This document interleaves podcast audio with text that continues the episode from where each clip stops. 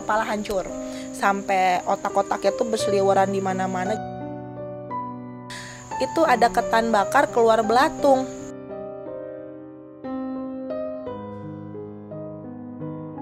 Selamat malam teman-teman, balik lagi di Lentera Malam bareng gua Jamal dan sekarang kita ada di segmen Saksi Misteri. Uh, dan tentu aja udah ada uh, narasumber yang akan bercerita tentang pengalaman horornya nih. Kita langsung kenalan aja. Bar, boleh kenalan dulu sama teman-teman? Oke, halo, nama saya Barbara. Lu mau cerita pengalaman horor lu di mana nih? Titik balik uh, awal aku dari tidak sensitif sama menjadi sensitif. Oke gitu oke kan. oke. Nah ini sebelum gue masuk ke cerita lo nih, gue pengen nanya-nanya dulu nih. Lo, lu punya uh, Instagram nggak? Punya Mm, Instagram. Ada yang mau lu promoin kan nih? Oh, promoin jodoh boleh. Jodohnya hantu semua dong. Eh, IG aku Barbara underscore Barbara. Gitu. Nah, denger-denger lu juga punya YouTube channel juga ya? Ada YouTube channel, aku ada obrolan kita bersama. Mm-mm. Biasanya kalian kamu ngomong begini, ada linknya di sini gitu. Oh enggak ya? Enggak, enggak. Enggak. Oh ya udah. Terus beda sama Adit gua. oh beda sama Adit ya. Terus eh, satu lagi ada namanya Enoki channel. Jadi ada dua. Ada dua. Itu tentang apa aja sih kalau boleh tahu nih? Biar Kal- teman-teman bisa mampir ke channel lu nih. Oh boleh, kalau misalnya Enoki Channel mungkin karena kami tuh di Enoki itu terdiri dari orang-orang yang Batak, Mm-mm. Ba- kami dari suku Batak. Yang kedua adalah kami adalah orang-orang yang memiliki sisi sensitif juga. Jadi kalau kamu butuh narasumber, itu personal Enoki semuanya bisa. Oh, semuanya bisa ya? Bisa. Ya, nanti kapan-kapan datanglah ke sini iya, lagi kita ya. kalau syuting selalu diganggu soalnya. Nah, yang kedua itu apa? Kalau yang kedua itu sama sebenarnya obrolan kita bersama itu kan beberapa orang Enoki juga masuk di obrolan kita bersama. Mm-mm. Dan yang di obrolan kita bersama pun juga sama sensitif juga. Jadi kami kumpulan dari orang-orang sensitif. Hmm. Dan di obrolan kita bersama itu lebih ke talk show yang ceria, terus juga ngomongin hal-hal yang tabu dan menjadi hal yang biasa gitu di situ. Oh, jadi hal-hal tabu nih lo gali, lo obrolin segala macam. Iya, rencananya mau ke situ sih, cuman kadang-kadang ya masih masih channel baru ya guys. Jadi masih kadang-kadang tiba-tiba tabu, kadang-kadang tidak tidak tabu gitu. Masih belentang-belentong, tergantung narasumber. sama sih sama Susah. di sini juga iya, Iya. kadang meledak kadang enggak gitu Heeh. tapi ya jalanin aja lah iya benar Nah, kan. konsisten yang penting tuh Ibarat kayak hubungan jalanin dulu ya. Iya jalanin aja dulu nggak Iya. tahu berhasil apa enggak kan ke depan. Eh, kenapa jadi curhat? iya iya. Kenapa jadi curhat? Oke ya udah eh, nggak usah basa-basi lagi nih. Iya. sebelum teman-teman dengerin ceritanya teman-teman saksin dulu yang berikut ini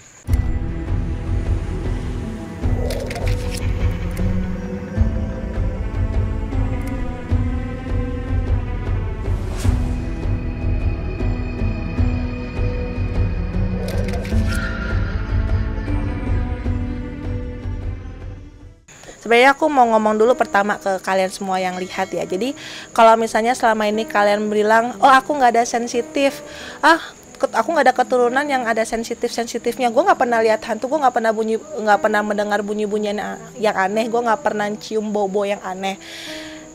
Nggak juga gitu loh. Karena dulu pun juga aku tidak sensitif, tetapi seiringnya dengan jalannya waktu, aku jadi sensitif. Jadi eh, ketika waktu SMP tahun berapa ya pokoknya banyak lah ya kalau misalnya aku sebutin tahunnya kelihatan tuanya. Eh, jadi ketika aku SMP sekolah aku itu adalah bekas rumah sakit Belanda. Jadi beberapa bangunannya itu tuh masih berbentuk lorong. Jadi eh, kadang-kadang tuh di kiri kanannya ada Mbak Kunti, ada Pocinawati alias Pocong, terus juga eh, banyak suster-susteran gitu. Dan beberapa mungkin mukanya tuh kayak muka Belanda. Karena memang eh, dulu itu rumah sakitnya itu tuh buat te- apa ya tentara atau apa gitu. Kalau pas lagi perang ditaruhnya di situ. Menurut narasumber yang lain. Nah di situ waktu SMP sebenarnya aku nggak ada ngerasain apa-apa di rumah eh, di sekolah itu ya. Jadi masih so far so good. Cuman kami itu punya ada di lantai atas itu ruangan yang tidak boleh dimasuki. Jadi sekolah itu tuh TK, SD, SMP tuh nyatu. Jadi di SMP-nya itu tuh ada ruangan terus di lantai atasnya tuh di lantai dua tuh ada ruangan kosong. Mau kita sepenuh apa pun di, la- di lantai bawah itu nggak ada yang mau di lantai atas karena setiap yang di lantai atas itu selalu kesurupan. Dan kami itu kan karena dari daerah kecil sekolahnya namanya juga daerah kecil kan masih menganut sistem kalau angkot semakin cepat maju semakin dapat penumpang gitu kan. Jadi ketika nyebrang tuh sering banget namanya tabrakan. Jadi memang banyak murid-muridnya yang meninggal guru yang meninggal gitu. Jadi eh, kadang-kadang tuh gangguan dari guru sama murid. Nah yang gue mau ceritain ini yang mungkin agak menarik itu dari guru aku. Jadi guru aku tuh guru bahasa daerah. Dia tuh memang mungkin karena dari daerah itu sangat apa ya sangat ilmunya tuh masih kental banget gitu kan namanya juga orang daerah dia itu bisa menafsirkan mimpi. Jadi kita tuh dulu suka bercanda, "Papa, kemarin saya mimpi dikejar anjing itu uh, apa ya uh, artinya?" "Pak, kemarin gigi saya copot." "Pak, kemarin uh, ularnya gigit saya." gitu. Banyak lah gitu kan. Dia bisa menafsirkan dan itu biasanya beberapa hari kemudian itu pasti terjadi gitu kan. Nah, uh, ya ya yayasan gue sebut ya. Jadi sekolah itu ada event ulang tahun jadi bikin perayaan. Nah dia tuh ketuanya. Suatu ketika karena dia rumahnya mungkin jauh dan ngelewatin Pantura e, dulu tuh sempat ada kejadian yang namanya kecelakaan di Pantura jadi truk-truk. Jadi si ini truknya ini truknya dia tuh di tengah-tengah naik motor tabrakan gepeng meninggal di tempat kepala hancur.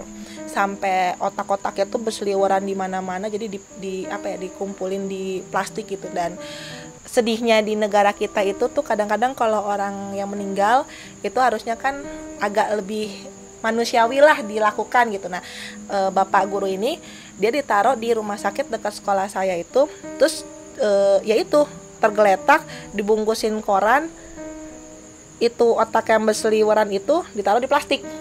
Nggak manusiawi banget lah ya gitu kan. Dan mungkin karena kita daerah kecil jadi kan ketahuan oh ini guru dari sini oh rumahnya di sini nah ya udah jadi dia langsung dikuburkan karena kebetulan kan uh, apa si bapak guru ini dari keluarga muslim jadi dia langsung dipocongin di situ. Itu aku sempat uh, jadi aku tuh paling takut dulu kalau sekarang sih nggak paling takut sama pocinawati alias pocong. Biasa kita ngomong bantal guling terbang biasanya kita sebutnya bantal guling terbang itu kita paling takut. Dan gue tuh nggak pernah melihat pocong jenazah yang benar-benar dipocong. Karena kan mungkin aku juga keluarga aku nggak pernah dilakukan seperti itu ya. Jadi ketika guru aku itu jadi mungkin terbayang sama aku itu jenazahnya terbujur kepalanya kempes. Ya gitu kan karena memang udah hancur gitu kan.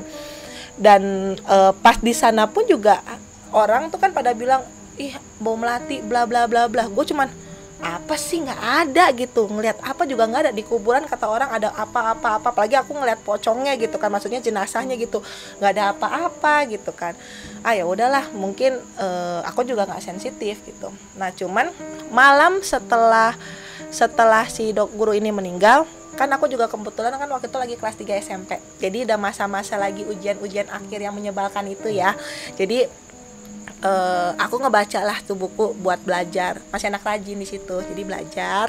Terus tiba-tiba untuk pertama kali dalam hidupku aku mencium bau melati. Zut lewat. Apa itu? Aku ngelihat ih nggak ada pohon melati di rumah. Kenapa ada nyium bau melati? Aku kan orangnya kepo. Hubungin teman-teman aku coy lu lagi pada belajar bahasa daerah ini nggak? Oh iya kata dia gitu ini guru kita yang ngajarin kan jadi memang kita lagi belajar karena besok mau ujiannya. Nyium bom melati nggak? Iya. Telepon satu orang dua orang tiga orang. Jadi semua yang lagi belajar saat itu itu tuh pada nyium bom melati. Cuman uh, kalau aku karena kan dulu masih orang awam ya aku mikir oh kalau nyium bau melati berarti lagi dikunjungin. Oh guru gue baik mengunjungi anak-anaknya semua gitu kan. Maksudnya lagi belajar oh lagi pantau gitu kan. Nah itu gangguan pertama dari guru itu Terus abis itu seminggu setelah dia meninggal, jadi kan guru aku itu kan ditaruh di sebuah rumah sakit yang tadi aku bilang deket eh, sekolah. Nah dia itu keluar malam-malam di hari ketujuh ya, bawa ketan bakar. Terus karena daerah aku itu masih menganut ada beca, dia naik beca tuh malam-malam. Ditanya sama tukang becanya, Pak mau ke mana? Oh saya mau ngajar. Loh kok ngajar malam-malam? Kata dia gitu Iya pak, karena kan ini lagi masa-masa ujian, anak-anak pengen uh, banyak belajar, bawa ketan bakar. Oh dari rumah sakit ya pak? Iya saya terakhir di situ kata dia gitu. Ya udah tukang baca nggak nanya lagi, nggak ngerti. Dia juga agak nggak ngerti kenapa saya terakhir di situ gitu. Dituruninlah di sekolah aku. Terus pak saya lagi nggak ada uang ya kata guru aku. saya biar biar ketahuan saya nggak kabur maksudnya biar jaga-jaga saya taruh nih ketan bakar saya di beca bapak saya pergi dulu saya ngambil tas saya uang saya di dompet saya itu. Terus dia masuk tukang becanya nungguin. Udah setengah jam kok belum datang datang akhirnya si tukang becanya datang ke sapam. Pak uh, itu ada apa ya kelas tambahan gak sih? Dia bilang nggak ada. Tadi ada guru mau ngajar katanya ada kelas tambahan. Terus si sapamnya bilang mana ada kelas tambahan malam-malam begini? Kata dia gitu e, emang siapa? Terus dia kasih e, apa ya apa sih namanya deskripsi si bapaknya. Lah itu mau udah meninggal seminggu yang lalu nggak ada lagi yang kayak gitu. Terus si sapamnya sapamnya bilang begitu. Terus si tukang becanya ngomong enggak enggak beneran. Orang di ketan bakarnya ada masih angkat di situ. Ini ketan bakarnya ada orang dia nitip ke saya. Akhirnya si sapamnya panggil kepala sekolah SD aku. Kan tadi aku bilang kan TK SD SMP aku kan nyatu. Nah kebetulan ada kepala sekolah SD di situ. Terus kepala sekolahnya nunjukin fotonya. Yang ini? Iya. Oh itu udah meninggal pak. Nah si tukang becanya bilang ah bohong. Orang bener-bener ngikut naik beca sama saya. Ini ketan bakarnya. Akhirnya ya udah uh, mungkin karena debat-debat juga terus ya maksudnya buang-buang waktu akhirnya sama si kepala sekolah kita kita dikasih dia akan dikasih duit tukang becaknya. Ketan bakarnya dibawa gitu. Terus uh, yang aku tahu itu kan cerita dari si sapamnya. Yang aku tahu besoknya itu aku kan lagi ke sekolah. Lagi ngumpul tuh di ruang kepala sekolah orang pada ngumpul. Terus orang pada bilang wi eh kesebut nama gue ya. Bar. Barbara gitu. Uh, apa uh, ada kejadian serem nih. Gue bilang apa itu ada ketan bakar keluar belatung. Loh. Kenapa? Aku bilang begitu kan jadi kami datang tuh ke situ. Aku lihat ini ketan bakarnya masih ngepul masih ada asapnya tapi keluar belatung dari situ. Terus aku bilang aku kan emang masih belum ada sensitif ya. Aku bilang ah mungkin perkara nggak ditaruh di kulkas kali jadi basi. Gue bilang kayak gitu. Makanya muncul belatung. Masih berpikiran positif ah itu mungkin belatung gitu. Emang kenapa diceritain begitu kan uh, yang tentang si bapak soal beca dan lain-lain? Aku bilang ah nggak mungkin lah gitu kan. Itu juga mungkin perkara basi aja makanya makanya keluar belatung udah maksudnya masih santai. Muncullah event si sekolah ini. Kebetulan kan aku sama adekku itu penyanyi gitu. Jadi kadang-kadang kalau sebuah event gitu kita kadang-kadang disuruh nyanyi. Jadi adekku nyanyi aku nyanyi. Latihan lah kita uh, malam-malam itu. Pas lagi malam-malam itu papa yang nemenin. Jadi papa sama adek emang bisa lihat gitu kan. Nah si adek nyanyi aku ya biasa nungguin adek gitu kan nunggu giliran. Si papa keliling-keliling. Nah menurut cerita si papa jadi uh, papa itu jadi di sekolah kita tuh ada bambu bambu ngumpul-ngumpul begitu. Nah si bapak ini tuh lagi duduk. Duduk terus dia mantau ke panggung. Dia lagi ngeliatin orang lagi latihan. Papaku datang terus ke sampingnya bilang begini Pak, kamu tuh udah bukan di sini lagi. Duniamu tuh bukan di sini. Kamu tuh sudah meninggal. E, tanggung jawab kamu di dunia ini tuh sudah selesai. Jadi sudah e, bukan waktunya kamu lagi untuk mengurusi segala urusan di dunia ini. Jadi kamu pergi aja. Hilang tuh si bapaknya. Ya, terus papaku ya udah kan e, apa nemenin kita lagi. Saya latihan pulanglah jadi ini papaku nyetir ini adekku ini aku di belakang. Pas lagi nyetir baru masuk ke rumah. Zet mama teriak kencong pergi kau pergi kau pergi kau. Ah jangan jangan jangan, jangan ganggu keluarga saya. Kaget dong. Papa loncat adekku loncat aku juga loncat. Aku sampai kita ngebuka pintu buru-buru gitu kan. Masuk ke kamar si mama dibangunin si mama karena kan ngigau. Mah kenapa? Terus si mama bilang aku ngelihat bapak ini naik mobil bareng sama kalian. Di mana mah? Sebelah kamu dek. Kan manggil aku kan adek langsung lah di sebelah aku bilang itu emang kenapa bisa di sebelah aku? Terus kata mamaku iya kayaknya dia marah. Terus papaku dengan lempeng ngomong ke mamaku iya tadi aku usir. Mungkin dia marah kali makanya ngikut. Anjir. Gitu. Terus dari terus yang aku pas ketika kejadian itu aku bukan takut aku malah mikir bapak gue bisa lihat mama gue bisa ngerasain adek gue bisa lihat. Ini kenapa ketika perjalanan mobil kagak ada yang nyadar nih si bapak di sini gitu kan. Padahal eh, apa namanya aku ada di sebelahnya. Nah emang sebelum kejadian aku masuk ke sini maksudnya mau collab ke YouTube ini kan aku emang sempet cerita ini ke teman aku beberapa yang di channel juga. Terus dia bilang ya tergantung dia mau menampakkan diri atau tidak hmm. gitu kan nah mungkin pada saat itu mungkin si papa sama ada tidak melihat gitu kan. Oh yaudah gitu. Nah habis itu eh, seiringnya berjalan waktu ilmu yang apa ya makin tinggi makin tinggi gitu sensitifnya nggak ada masih kayak orang biasa aja santai gitu.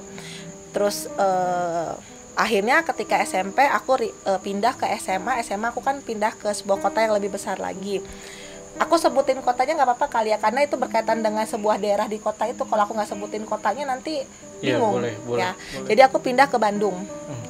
ya jadi pindah ke Bandung terus nama asli aku kalau nama YouTube kan Barbara hmm. nama asli aku tuh Dewi Sartika pahlawan oh iya iya iya pahlawan Bandung ya kan Cawang Iya. iya Dewi Sartika ya. iya kan. Ketawa dia. Nah, habis itu uh, aku tuh orang yang nggak tahu jalan. Jadi jadi ketika aku masuk ke Bandung, dulu kan aku anak manja ya. Jadi si mama papa tuh antar jemput antar jemput. Nah, pas perkara perantauan di Bandung, mau nggak mau aku sendirian. Aku nyasar. Aku nyasar dan aku nggak tahu jalan jalan pulangnya gimana kakakku nelpon dek kamu di mana coba cari patokan yang paling gede yang bisa kamu lihat kata dia gitu ya udah aku turun di angkot aku lihat patokan paling besar yang ada di situ. Tau nggak apa? Selamat datang di makam Dewi Sartika. Terus kakakku bilang kamu di mana? Dengan lempeng aku ngomong begini di makamku kak. Gitu.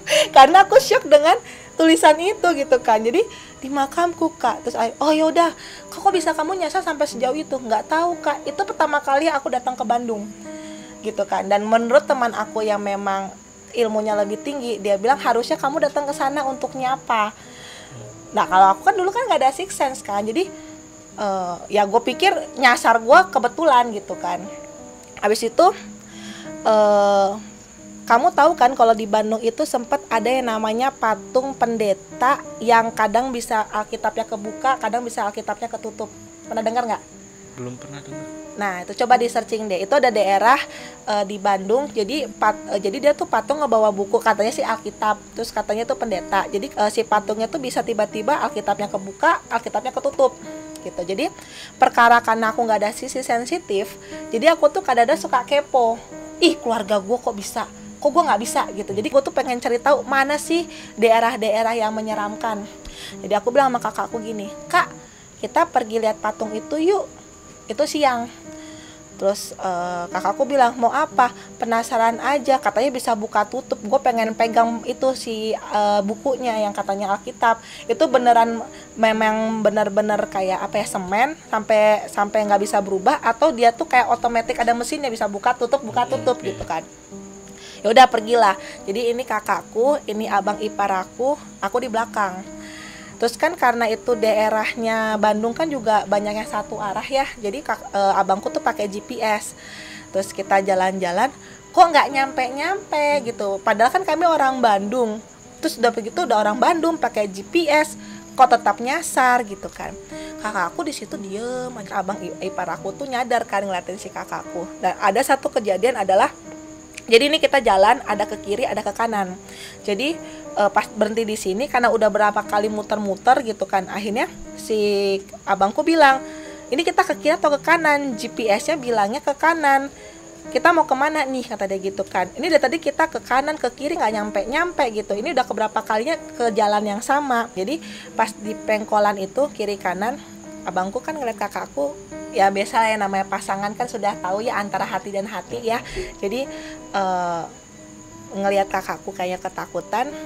Dan maksudnya kakakku kan emang udah duluan sensitif dibandingkan aku. Uh, dia bilang oh, udah kita ke kanan aja deh. Kita coba sekali lagi kita ke kanan ya. Karena kan sebelumnya udah pernah ke kiri terus pernah ke kanan juga. Ini terakhir kita coba ke kanan. Kalau nggak bisa ke kanan ya udah kita nggak usah ke sana. Mungkin memang kita nggak diperbolehin ke sana. Ya kita ke kanan tuh. Habis itu ternyata nggak ketemu. Ya udahlah kita pulang. Pas pulang e, nyampe ke rumah abang aku tuh penasaran dia coba di GPS GPS-nya baru bener tuh. Terus dia bilang eh kita tuh sebenarnya udah posisinya udah sama. Terus kakakku dengan ngomong dengan lempengnya begini kakakku yang cewek ke suaminya harusnya ke kiri ya kata dia gitu. Iya bener. Kok kamu nggak bilang?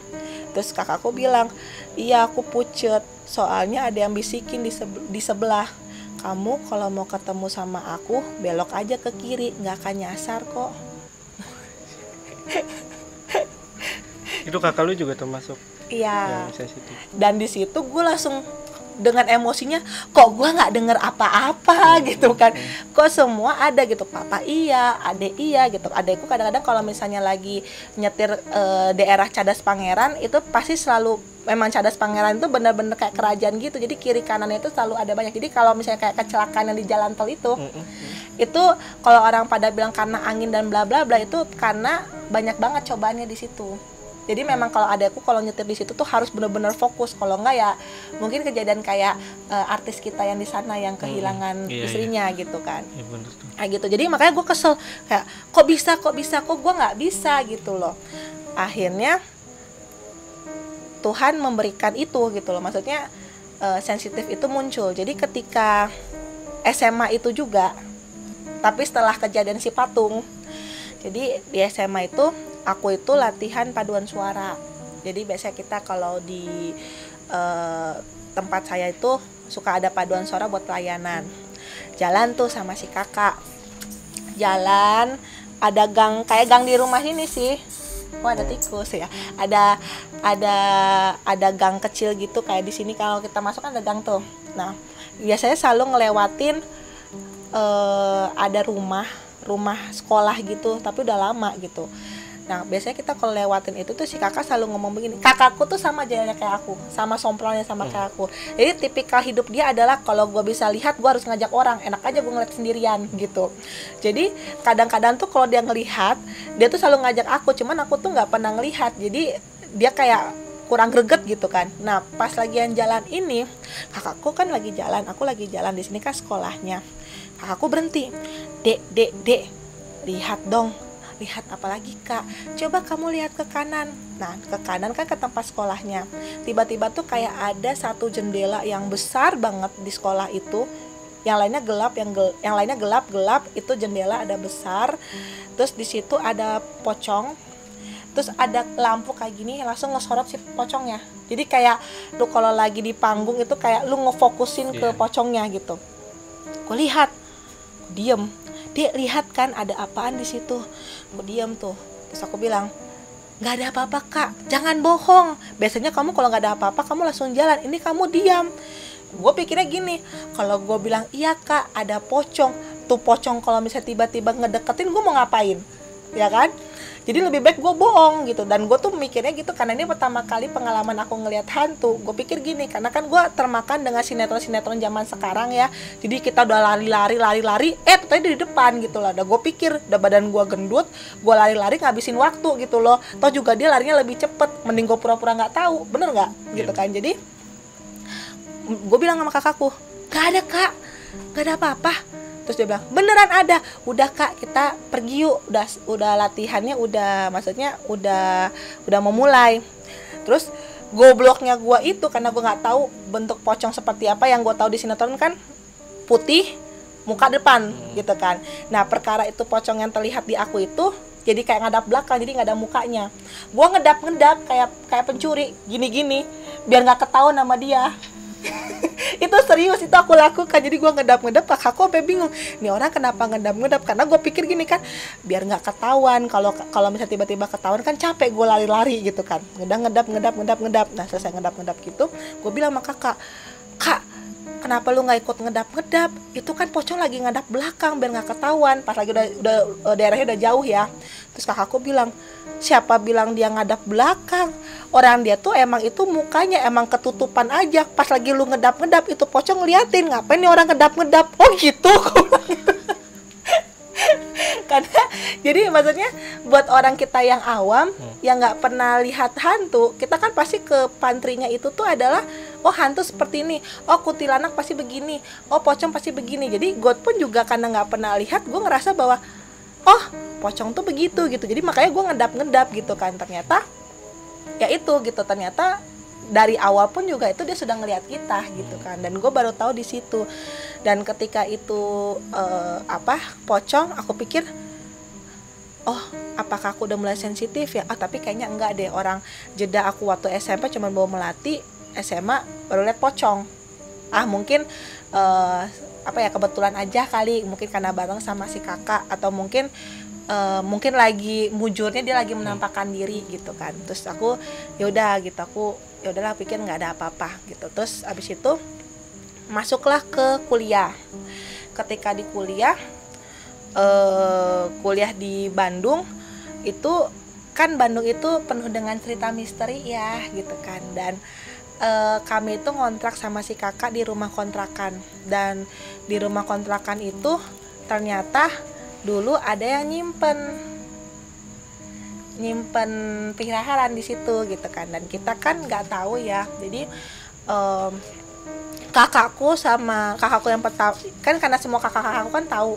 Nah kakakku tuh yang kedua sama ketiga tuh bilang dek ini teh banyak banget uh, apa namanya hantu-hantunya. Terus aku bilang oh gitu. Ah nggak ada ah nggak ada ngerasain. Karena aku juga maksudnya masih setengah lihat setengah enggak setengah lihat setengah enggak gitu kan.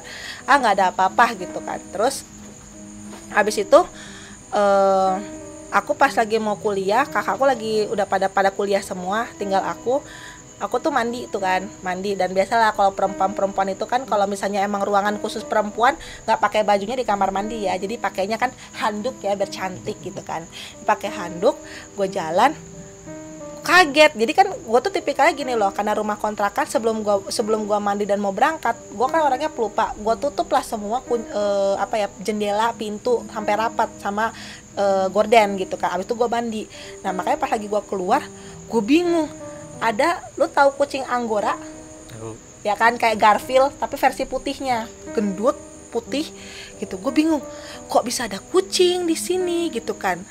Udah gitu uh, gue lagi nggak maksudnya lagi nggak pakai baju gitu kan. Lah ini kok ada kucing? Gue bingung gitu kan. Ini ada apa? Gue mau ngusir lagi maksudnya ngebuka pintu kondisi gue lagi nggak bagus gitu kan. Emang si kucingnya tuh lagi diem. Jadi ini jendela dia lagi diem nggak ngadap aku gitu kan. Akhirnya gue gue panggil kan cing cing gitu kan. Terus abis itu kucingnya nengok dia kaget. Jadi jadi kaget, dia kaget ah, gimana ya? Pokoknya kaget. Abis itu pinternya si kucing ini dia itu mendatangi semua jendela di kamar aku cari cari untuk keluar. Hmm. hmm. gue sampai bingung ini kucing kenapa bisa masuk ke ke rumah pertama?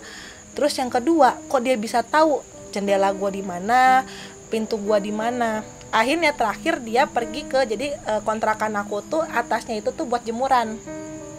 Dia naik ke atas habis itu hilang. Pas gue ngeliat itu pintu ketutup nggak ada jendela. Loh kok bisa hilang? Ini kucing putih itu kan. Mikir gue telepon kakak kak ada kucing putih. Oh itu mungkin uh, yang sering kakak lihat itu si kakek kakek gitu kan. Mungkin dia lagi apa ya namanya hmm. apa ya berpindah apa sih namanya berubah bentuk gitu kan. Menjelma menjelma. Ya menjelma jadi kucing hmm. gitu kan. Itu mungkin si kakek kali yang suka gangguin karena katanya agak mesum gitu kan. Terus gue bilang lah ngeliatin dong gue bilang begitu kan. Cuman ya aku pikir ya udahlah gitu kan.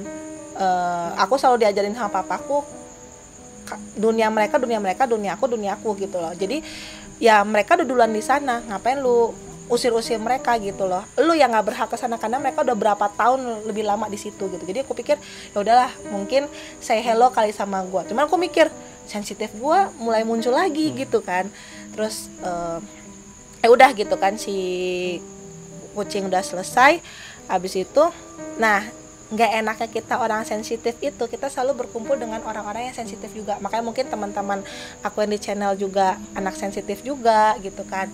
Terus juga kakak-kakakku juga sensitif gitu kan. Nah mungkin e, mereka tahu bahwa kita sensitif jadi mungkin membuat orang tuh pengen ah coba deh kirim coba deh kirim gitu kan. Hmm. nah jadi di kontrakan aku itu belakangnya kan kuburan yang yang ada kucing ini gitu kan jadi entah kenapa kita tuh selalu setelah kucing ini ya setelah kucing ini seminggu setelah kucing ini itu selalu dikirimin tiga apa ya tiga apa sih namanya paku. Nah tiga paku karatan ditancapin. Karena kan kita tinggal bertiga tuh kakakku berdua cewek sama aku.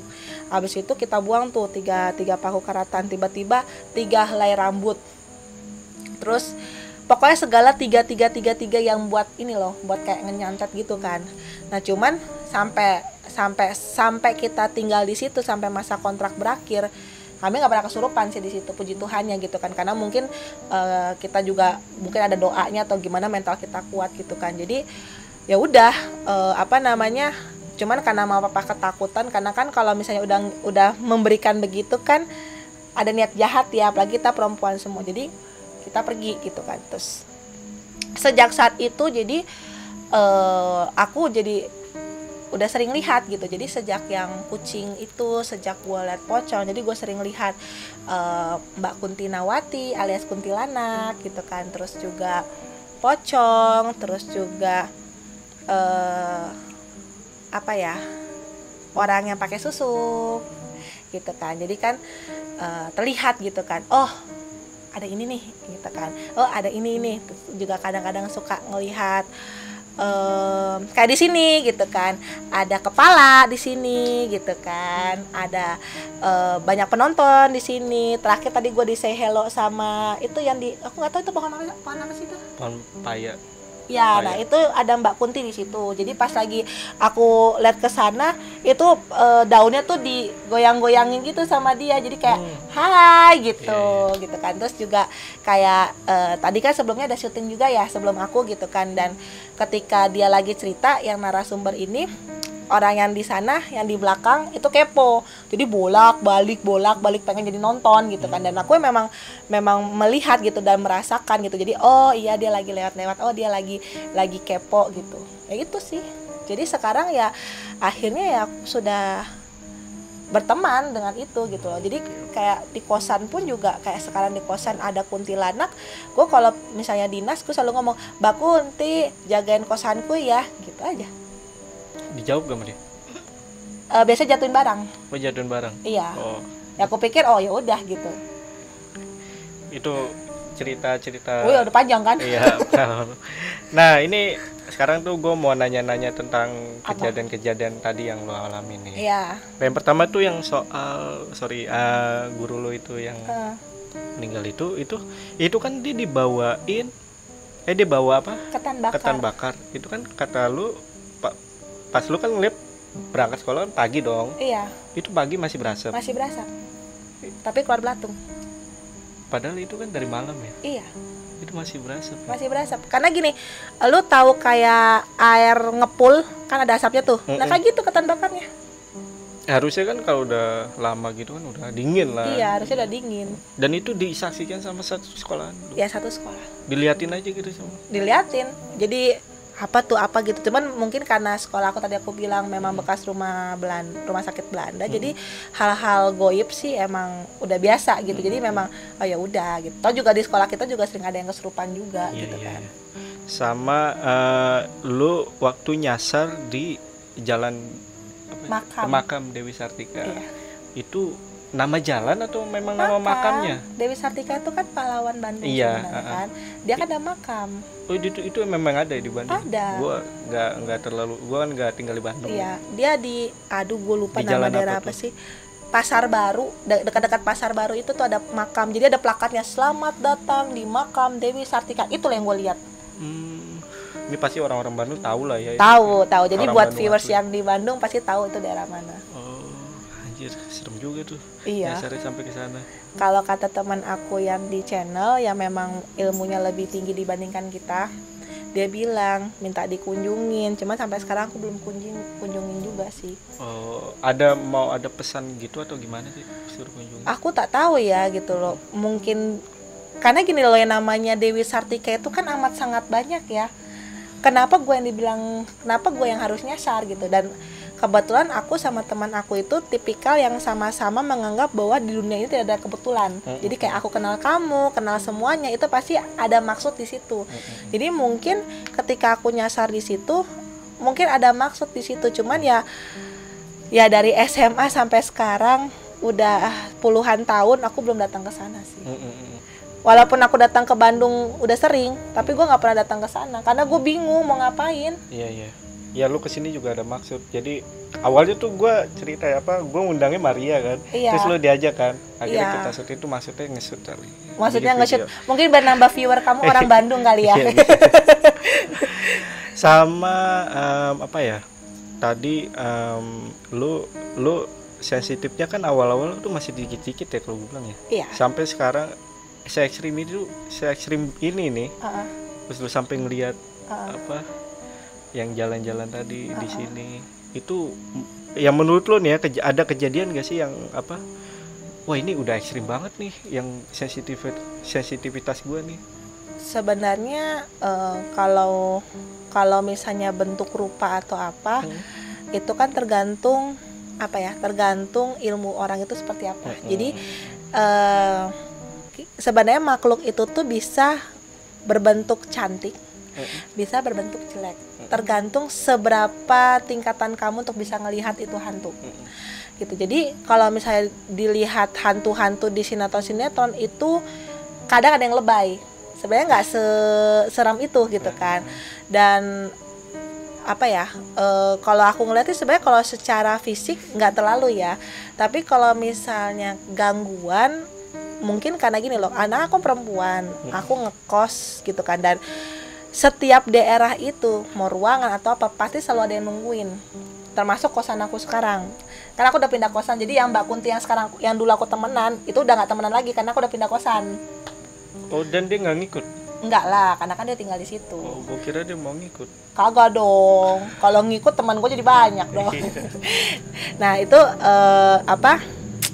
Di kosan yang sekarang ini eh, karena kosan campur jadi ya lu tau lah kalau kosan campur di Jakarta apa yang terjadi sih? Iya iya iya. Gitu kan. Jadi ada yang pernah aborsi di situ. Gitu kan. Dan dan entah kebetulan itu dia menguburkan tuh janin di kamar aku. Jadi kamar aku itu eh, kamar yang baru dibangun. Jadi dulu belum ada apa sih? Apa sih namanya itu? Eh, Ubin. sem- ubin. Nah itu. Gini gini iya mau nyebut ubin aja susah. Jangan marah dong om. Iya. Sebel nih hostnya marah. Oh, iya. terus eh, jadi ketika di sana ya paling gangguan gangguan sebelnya tuh adalah ya namanya anak kecil suka jahil ya. Mm-mm. jadi suka ngelempar gue lagi kerja gitu dilempar gitu. Terus eh, kadang-kadang tuh sorry sorry kata. Jadi kadang-kadang tuh aku tuh makin sensitifnya makin amat tinggi itu ketika aku lagi haid oh momen Ya, lagi momen lagi haid jadi kadang-kadang tuh kan eh, kita ya kalau perempuan kan kalau lagi haid kan eh, setelah dibersihin karena ke tempat sampahnya itu di luar kamar terus kalau kita udah malam-malam kan malas ya ngebuka. Apalagi aku tuh kan kosan campur agak bahaya juga malam-malam ngebuka gitu kan. Jadi suka aku gantung tuh di gagang pintu. Gua gantung di situ. Nah sebelnya aku tuh perkara sensitif mungkin mereka itu tuh entah kenapa gitu pengen kali ya maksudnya ngirup darah itu gitu kan. Jadi tuh mereka tuh sempat nge- ngedobrak kamar aku. Buk buk. Jadi kayak ada orang yang kayak mau berusaha masuk gitu Iya. kan. Dan kesebelnya sih di situ sih gitu. Jadi gua nggak ngelihat kalau penampakan sih maksudnya aku nggak terlalu takut tapi gangguan itu. Karena Iya, iya. pikiran kita itu adalah itu manusia atau hantu. Kalau misalnya hantu ya udah. Kan nggak bisa diapa-apain juga gitu. Tapi kalau manusia kan serem. Iya. sebenarnya ekstrim di aku tuh lebih ke manusia atau hantu. Soalnya sisi sensitif aku takutnya nanti jadi berkurang. Maksudnya ah itu pasti hantu. Eh ternyata manusia aku Iya, diapa-apain iya, kan? jadi lebih ke situ sih bukan soal fisiknya sih. Lu denger apa nih barusan? Nggak apa-apa. Oh. Ntar lu takut. Enggak sih. Insya Allah. Em, sama yang tadi patung besar itu Patung, yang ya. lo yang lo bilang apa? Bisa ngebuka Alki- ya, ya, kayak Alkitab, gitu Hmm. buka tutup gitu. Itu udah itu memang mitos memang atau memang orang-orang tuh sebagian tuh ngelihat gitu atau gimana? Sebenarnya itu di mana itu? Bandung. Di jalan apa? Aduh gue itu lupa. museum atau apa kan bukan dia kayak kayak apa ya, taman toh ini. Lu tau rumah sosis nggak? Eh, anggap aja gue tahu mukanya gitu eh anggap saja saya tahu jadi kan eh, kayak rumah sosis terus kayak eh goa apa sih goa Jepang gitu kita duduk di Bandung kan makanya yang channel sebelah kan suka muter-muter Oh, Bandung iya. kan nah itu tuh yang dia tuh di daerah situ rumah sosis dan gua tuh tahu itu patung perkara dulu kan masih ada zaman hey ceriwis Oke, oke. no ways ya kan Iya, iya. nah itu Dua sekali ya. emang saya tua. Dan jadi eh, si ceriwis itu si bekti sama Cindy Baran itu tuh sempet datang ke sana.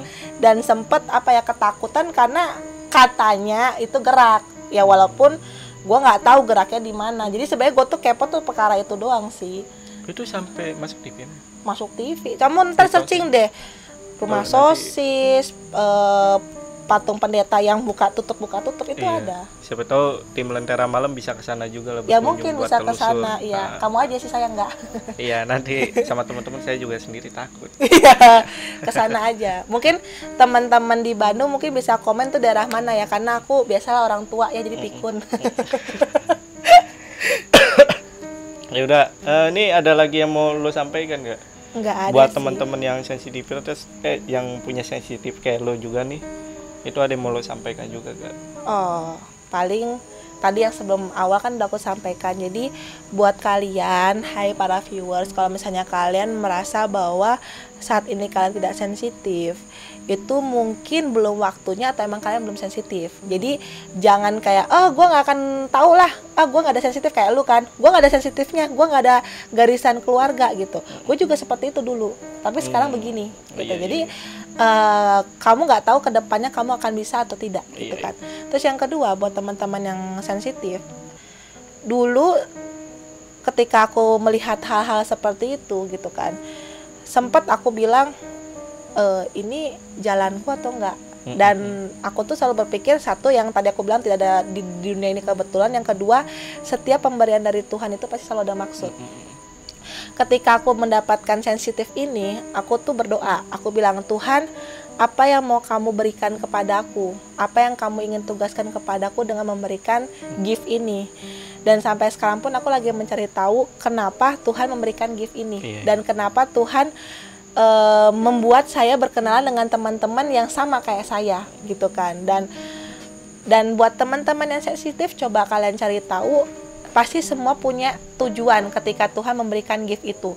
Yang kedua, jangan pernah takut dengan mereka karena gini, mereka sudah duluan hadir sama hadir dan hidup sama kalian gitu kan. Jadi ya kalian itu ya harus hidup berdampingan gitu.